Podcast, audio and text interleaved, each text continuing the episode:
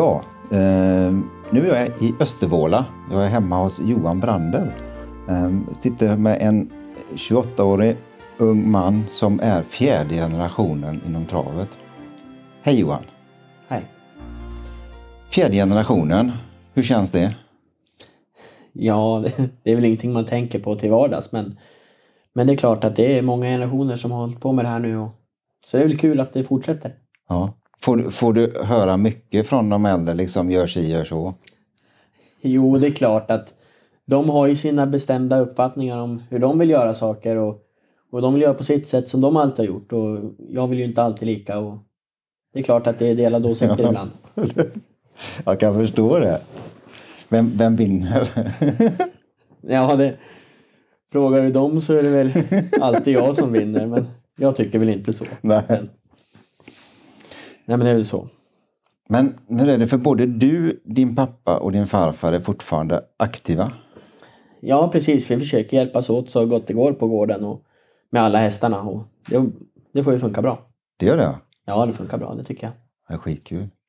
Och jag kom hit förut, då sellade du ut eh, stallets stjärna vars namn är Lovable, Ja, precis. typ. Ja, Ja. ja. Väl. Ja, så it Mm. Eh, ska starta, göra årsdebut imorgon. Jajamän. Och det kändes bra. Ja, han var, han var faktiskt finare än vad jag hade vågat tro. Så Ja. att nu får jag upp förhoppningarna lite mer till imorgon, så är det. Men jag tror alltid på honom när jag kör ut med honom till loppen ändå. Så det måste man göra. Men är det, inte, är det inte det som egentligen är en stor del av travet? Den här känslan, man, kör, man sitter där bakom och så känner man fan det här är, det här, nu är det ju någonting. Ja, precis. Och det är alltid... Det är vissa hästar som man har som man... Man känner att det är någonting extra och att man vill tro på dem varje gång och sådär.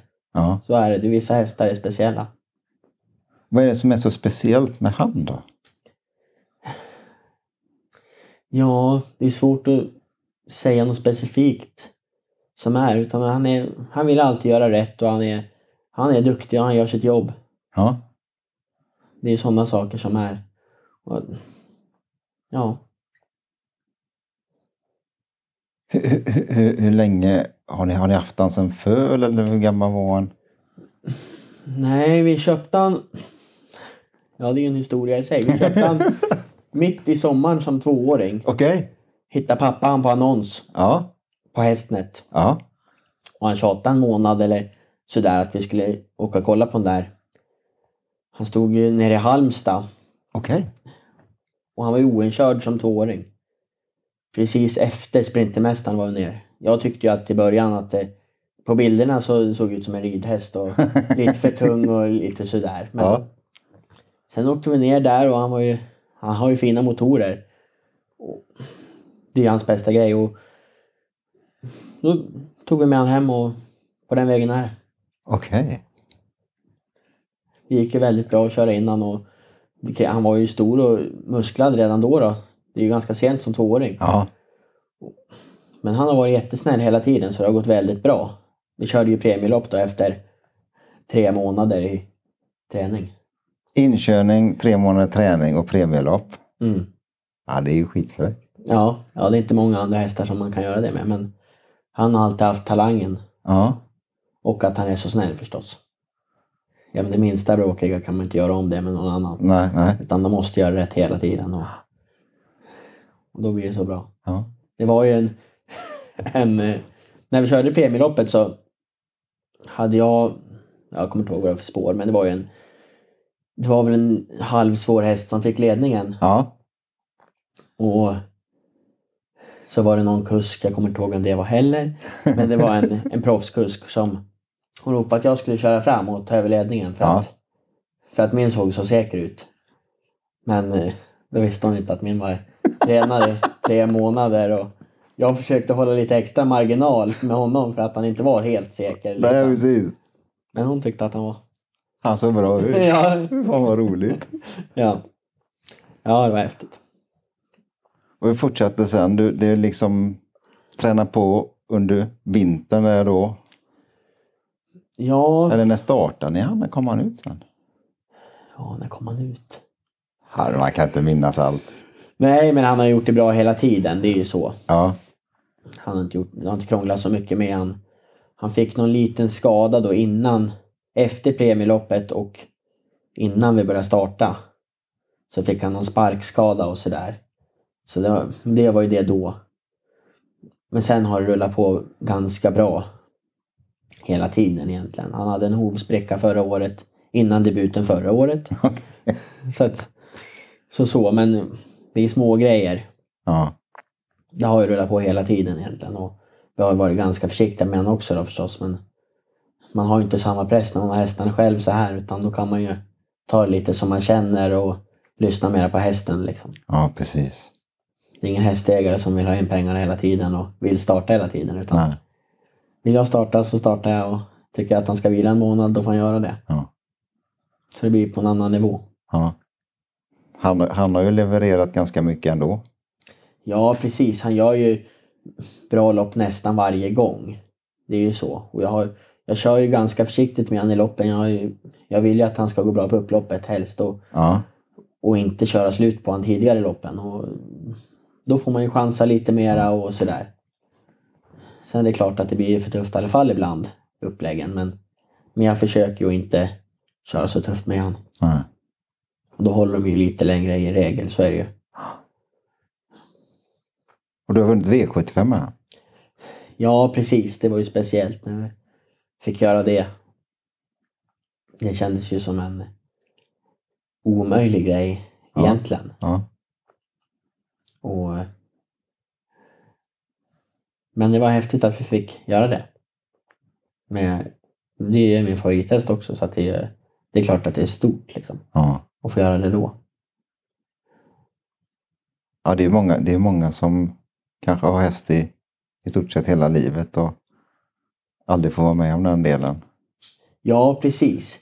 Och det är ju, det är ju väldigt tufft på V75. Det är ju de bästa som går ut där hela tiden. Och, men det löste sig väldigt bra den dagen och det var extra kul att det var Rättviks största dag på midsommartravet och Ja. sådär. Och, Mycket folk och ja, var fullsmockat med folk och många man kände var där. Och, så det är klart att det är inramningen som är kul också. ja. ja, det blir lite speciellt. När vi gick över mål så de flesta stod ju och gapade men jag var glad i alla fall. Det känns som i det här forumet så är det det viktigaste. Ja, precis. Det är ju så. Man, man har en egen häst så är ju, då lär man vara nöjd hela tiden själv. Ja, precis. Men med, med den historien som du har, var, var, det, var det en självklarhet för dig att hålla på med hästar? Och när, när började du med det hela? Jag menar att du har fått från typ modersmjölken eller den delen, faders arvet i det läget. Men, men alltså att vara med då, men, men var det självklart för din del? Ja, det var det väl kanske inte från början. Men det, ju, det blir ju lätt att man faller in i det. Mm. Jag spelade jättemycket fotboll när jag var yngre och då var det ju bara det som gällde.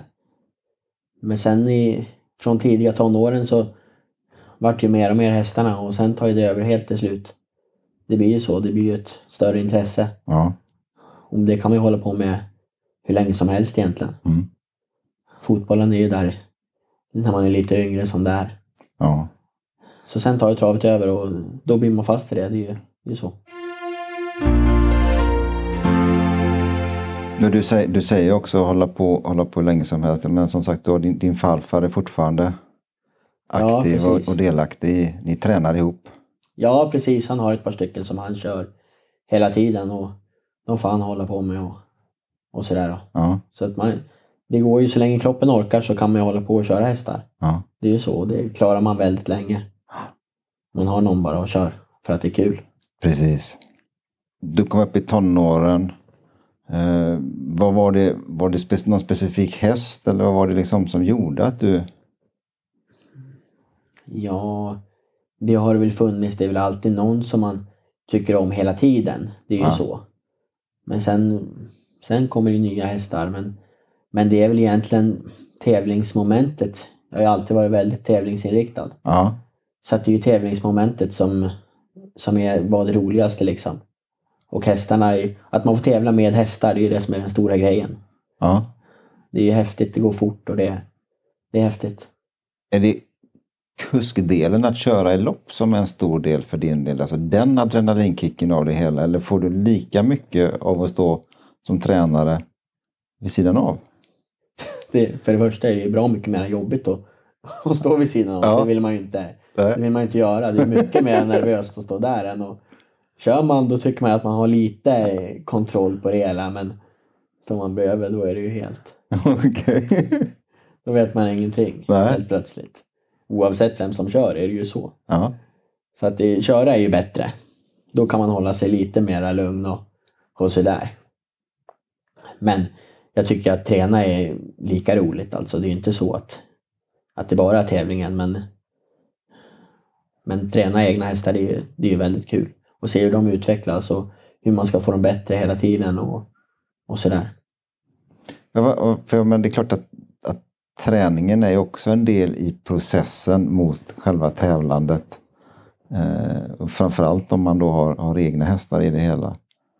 Eh, men men om, om du fick välja lite i det läget, vad skulle du välja då? Om jag bara ska göra en sak. Ja.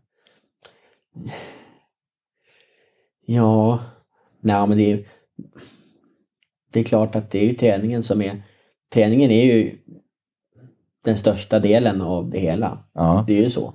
Det är ju hela uppbyggnaden och utvecklingen i allting där så att det är klart att det är det som är det- roligaste. Det blir ju så. Tävlingen är ju bara resultatet av träningen. ja just det. Ja, men det är ju helt rätt. Och det är klart att träna egna hästar och, och försöka utveckla dem och det är det roliga. Mm. Man får med ända från början. Ja, på tal om det ja. När jag kom in på gården så stod här ett, ett litet veckogammalt föl. Så där kan man ju prata om att vara med från början. Ja, precis. Vi har ju vi har två fölmärar som är dräktiga nu. Ja, hon fick ju precis då. Så Ja. en till som ska få. Ja, Så vi har, farfar har hållit på med mycket med avel förut. okej. Jag har väldigt mycket och haft avelshingstar och sådär. Och, så det är klart att vi har ju lite så också. Ja, Och det är, det är en speciell känsla när man är med ända från början och föder upp dem och väljer hingst från allra från början och, och sådär. Det, är, det blir lite större känsla då än om man köper en häst. ja. För du har varit med och valt hingst i det här läget nu då till det här fölet. Ja, precis. Och vad, vad tänker du i det läget? Eh, in, inför så att säga för att matcha stammar och sånt. Och hur, hur djupt går du in i det? Eller är det liksom lite känsla bara? Ja, man, man gräver ju djupt och letar på alla möjliga sätt och sen så kommer man fram till att det finns en miljon sätt man kan kolla på och, och då kanske första intrycket är det som man får gå på i alla fall till slut. Ja. Det blir lite så. Ja. Men, så det är väldigt svårt med avel och det är mycket tur inblandat och mycket tillfälligheter. Ja. Men det är klart att det är roligt att vara med och valt och då kan man ju ha tyckt om både mamman och pappan då under sina karriärer och, och förhoppningsvis tycker om avkomman ännu mera ja.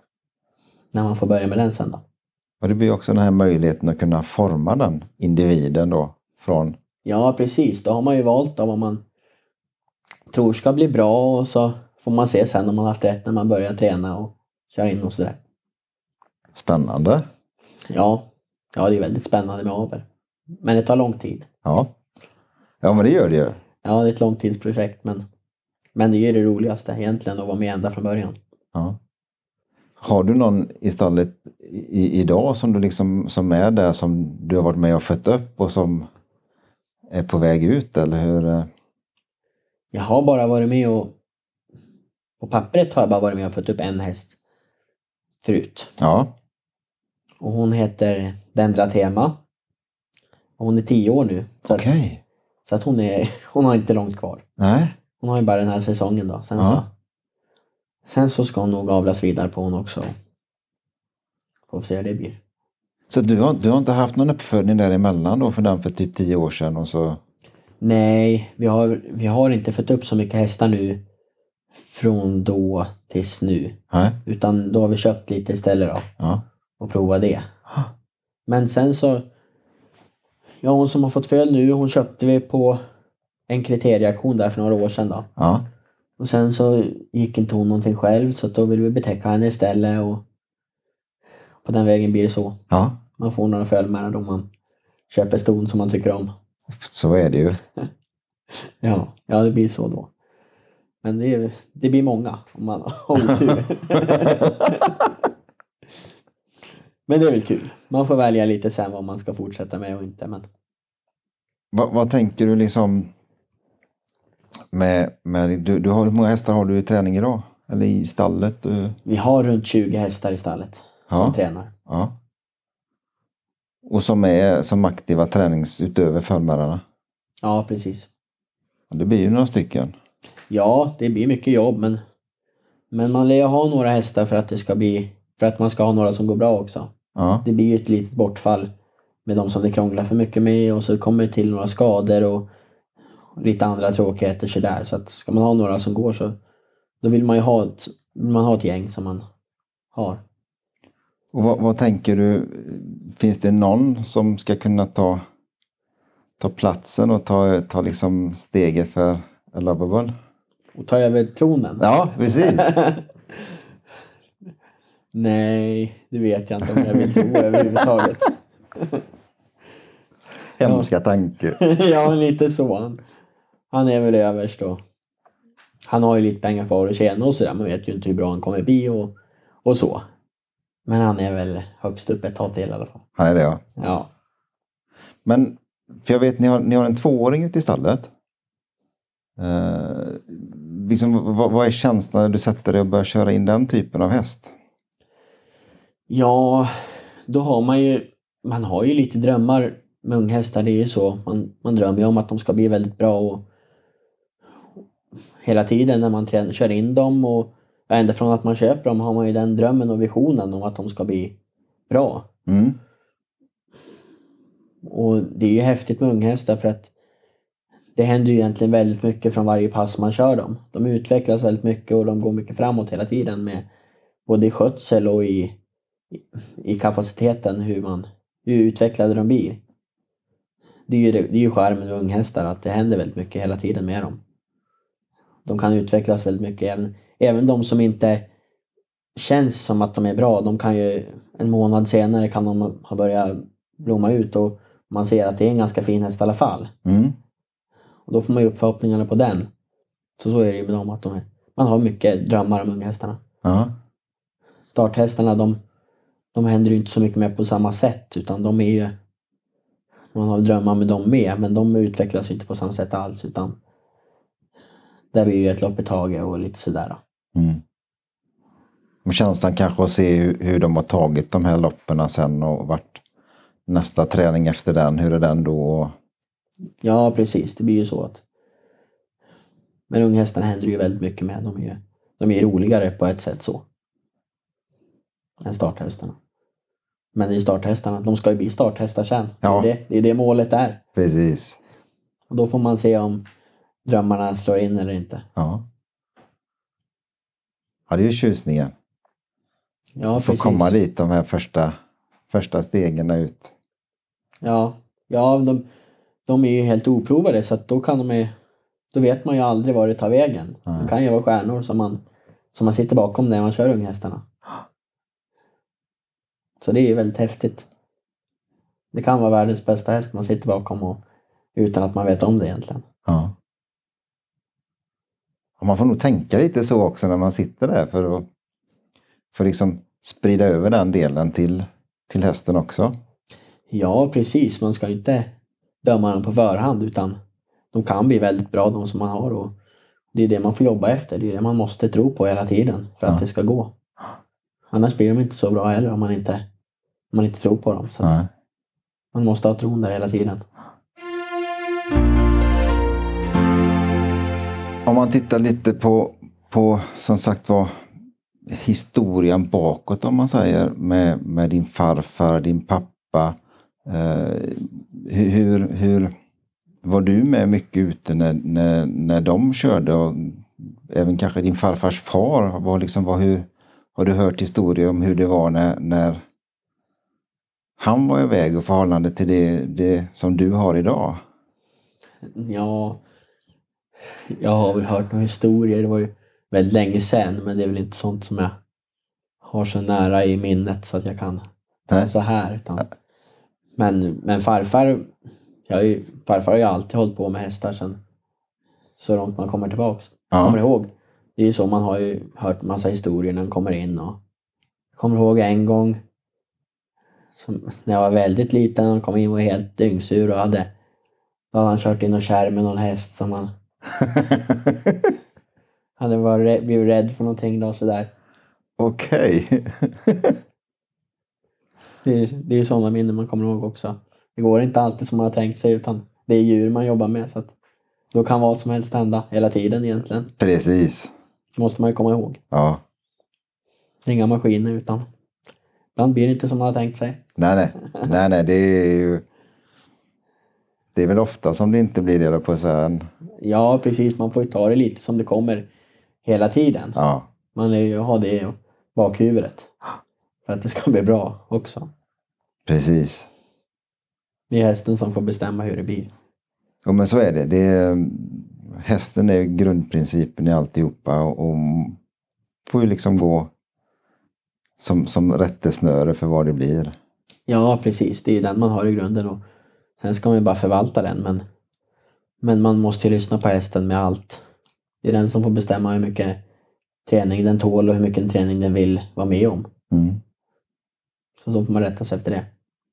Har du något specifikt sätt som du tränar på om man säger som så? Du har en egen bana här utanför där vi bor. Är du mycket inne på, på bana och kör eller hur, hur lägger du upp en, en träningsperiod? Ja, men det är väl som de flesta andra inom branschen så är det ju vi tränar på hemma och, och försöker få dem att kännas bra och redo och sen så får man ju åka in och köra något banjobb med dem innan man startar och se till att de är där man tror att de är. Och sen får man ju starta då. Förhoppningsvis så har man ju fått dem till den punkten man vill och då går det ju bra i loppet. Ja. Har du något knep för att känna? Nu känns de rätt. Nej, man känner ju det på, på vilket tryck det är i dem när man kör och hur mycket de vill springa själv. Det är ju det, är det lättaste sättet att känna på. Ja. De som vill springa och fast man kör ganska, ganska hårt med dem, de, det är ju bra hästar. Ofta, är Ja. så. De tål träningen och de vill, de vill träna hårdare egentligen än vad man vill tillåta dem själv. Ja. Då blir det ju rejäla hästar i, till slut. Om de bara klarar av, att, klarar av träningen då förstås. De får ju inte, de får inte gå sönder heller. Utan de måste ju hålla ihop för det. Men, och det förstår de inte själva hur mycket de tål. Utan det får jag försöka avgöra. Ja. Ja, det är den där fingertoppskänslan. Ja, precis. Det. Och det är ju väldigt svårt ibland. Ja. Men eh, man får försöka och man får försöka lära sig av misstagen och göra bättre nästa gång. Om man misslyckas. Man, man får läsa av vad som har skett här nu och så får man ta med sig det till, till nästa gång i det läget. Ja, precis. Man, man får ju försöka att stanna upp när det, ja, både när det går bra och när det går dåligt och tänka över vad man har gjort och hur man ska, om man vill förändra något eller hur man, hur man ska utvecklas med det hela som har hänt. Det är ju bra att göra det och, om man ska ta sig framåt. Vad har du för plan för framtiden nu då? Vad, vad, vad tänker Johan om ett år, fem år, tio? Nej men alltså vad tänker du framåt? Planen är väl att, att bli proffstränare i framtiden. Ja, Jag har gått den förberedande proffstränarkursen så att jag har ju den, den sista delen kvar. Och den ska jag väl gå när det passar och, och jag tycker att det läget känns rätt. ja. Så sen är det väl att bli proffstränare och hoppas att det går bra. Det, det, det är det stora målet i det läget då. Att ta ut en proffstränarlicens. Ja, precis så att, att man tar ut den och att man, man måste ju få in lite hästar i träning och sådär också då. Man kan ju ha egna också bara men men man måste ju ha lite hästägare med sig, det är ju så. Ja. För att det ska funka på ett smidigt och enkelt sätt. Så att man måste ju ha några sådana bakom sig och, och då när det är läget är rätt så är det ju bara att gå den här kursen och ta ut licensen sen. Det är spännande Johan. Det, det är kul att få komma hit ut och få sitta ner och prata med dig om det du har varit med om och, och Eh, de hästarna som du har här och nu och idag och lite med tanke på framtiden. Eh, eh, jag tycker det här är så jädra kul själv att få komma ut och få lyssna på det. Så jag är jättetacksam att jag har fått lov att, komma hit och få se hur ni har det och få se, få se det träna och, och få vara med om det. Så jag tackar så jättemycket. Mm, ja, tack.